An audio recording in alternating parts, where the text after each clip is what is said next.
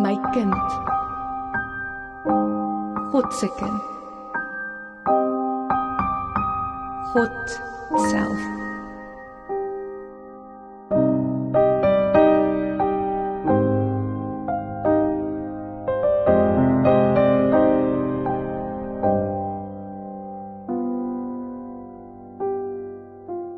Van nou af sal my naam op almal se lippe wees. Alle geslagte sal sê dat ek die gelukkigste vrou op aarde is, want die Almagtige het groot dinge aan my gedoen. Hy is heilig. Daar is niemand soos hy nie. Sy goedheid hou aan van geslag tot geslag.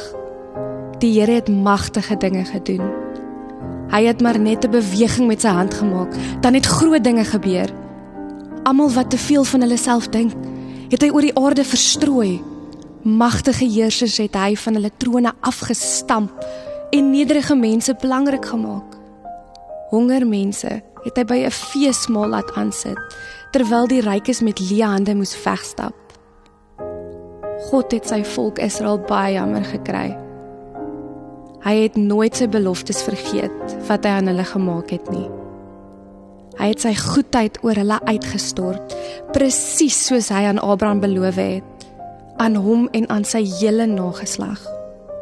Ja, God se beloftes is vir altyd waar.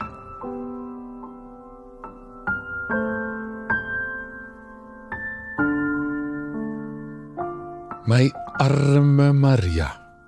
Sy was ongemaklik swanger. Ek het probeer om haar net rustig by die huis te hou terwyl ek moes werk.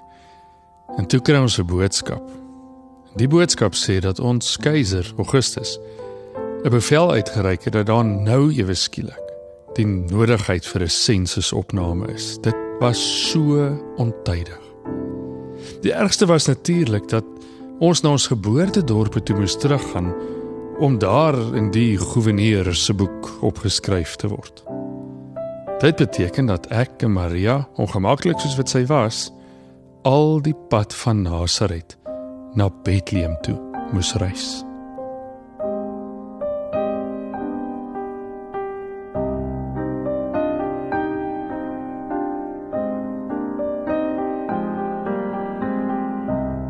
Ek het so gewens dat drie magtige Romeine met hulle dinge ook net nou van hulle trone wou afklim. Al was dit net totdat my baba gebore is. My voete was opgeswel. Ek was moeg en ongemaklik. Ek weet nie regtig hoe ek myself kon kry om tog maar ons tasse te pak en te voet en te donkie die pad Bethlehem toe aan te durf nie. Seker maar genade van bo.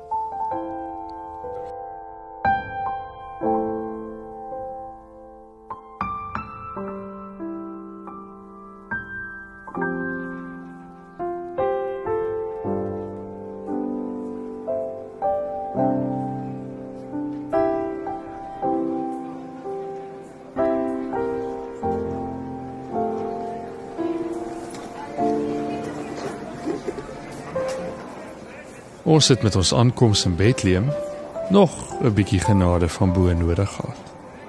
Dit was 'n malhuis. Mense net waar jy kyk. Die meeste mense was ook maar nikkerig vir die hele affære, maar wat kon ons doen? Die Romeine se genade was nie juis iets waarop 'n mens kon roem nie.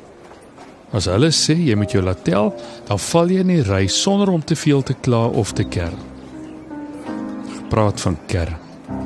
Weet jy hoe moes ons subat en smeek om net ergens 'n lêplek te kry vir die aand? Al die blyplekke was bespreek.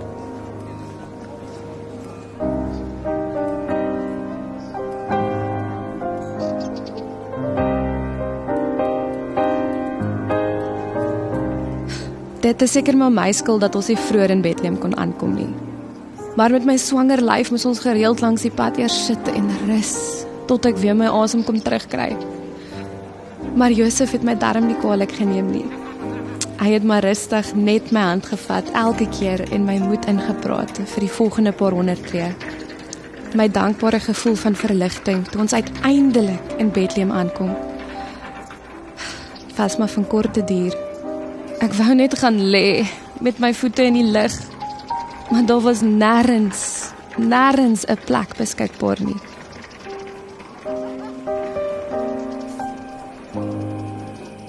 Uiteindelik het 'n herbergier vir ons sy stal aangebied. Ek was baie verlig. My rug was seer, my voete was seer en my kakebeen was seer van heeldag op my tande byt oor die Romeine en hulle ontydige sense storie.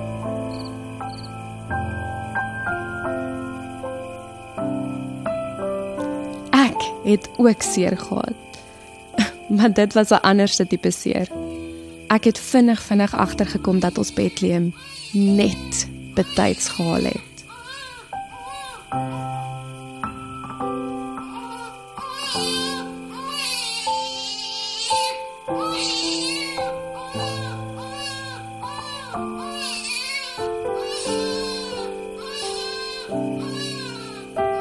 Dit was die grootste oomblik van my lewe. Die baba was so mooi. Ek kon nie ek kon nie ophou kyk vir hom nie. Maar dit was interessant. Nou het ek daaraan dink diep in my binneste het ek nooit die gevoel gehad dat hy dat hy myne is nie. Ek het eintlik ervaar dat hy iemand anders is. Kyk hoe Maria se oë toe sy hom styf en doeke toedraai. Was iets wat ek nooit nooit sal vergeet nie.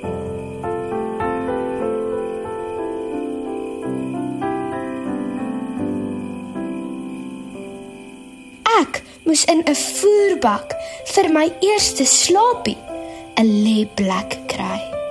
Maar dit het my nie geplan nie.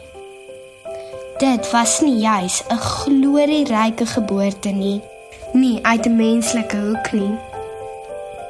Maar aan 'n klomp mense buite die stad is die werklike glorie geopenbaar terwyl ek in 'n krib lê. Terwyl hulle slaap, het 'n engel hulle wakker gemaak en van my vertel. Hierdie nuus was feesviernuus. Daar is aan hulle vertel hoe ek hul redder sal wees en hoe ek hulle van hulle sonde sal verlos.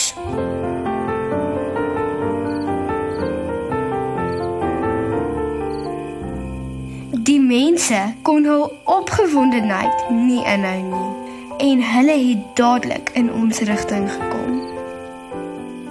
Hulle het in die stal ingekom met geskenke vir my: goud, wierook en mirre.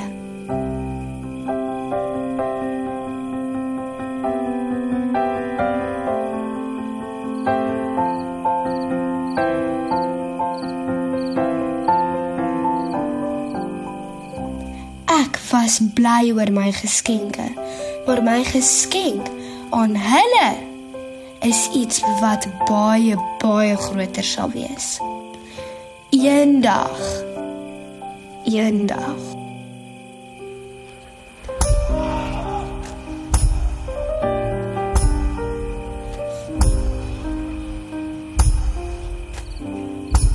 Daardie nag al het ek geweet dat hierdie kindjie van my eendag die wêreld se geskiedenis en toekoms te gelyke tyd sal verander.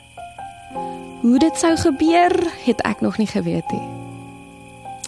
Miskien het dit tot daardie oomblik ook nie vir my saak gemaak nie. Ek was net dankbaar.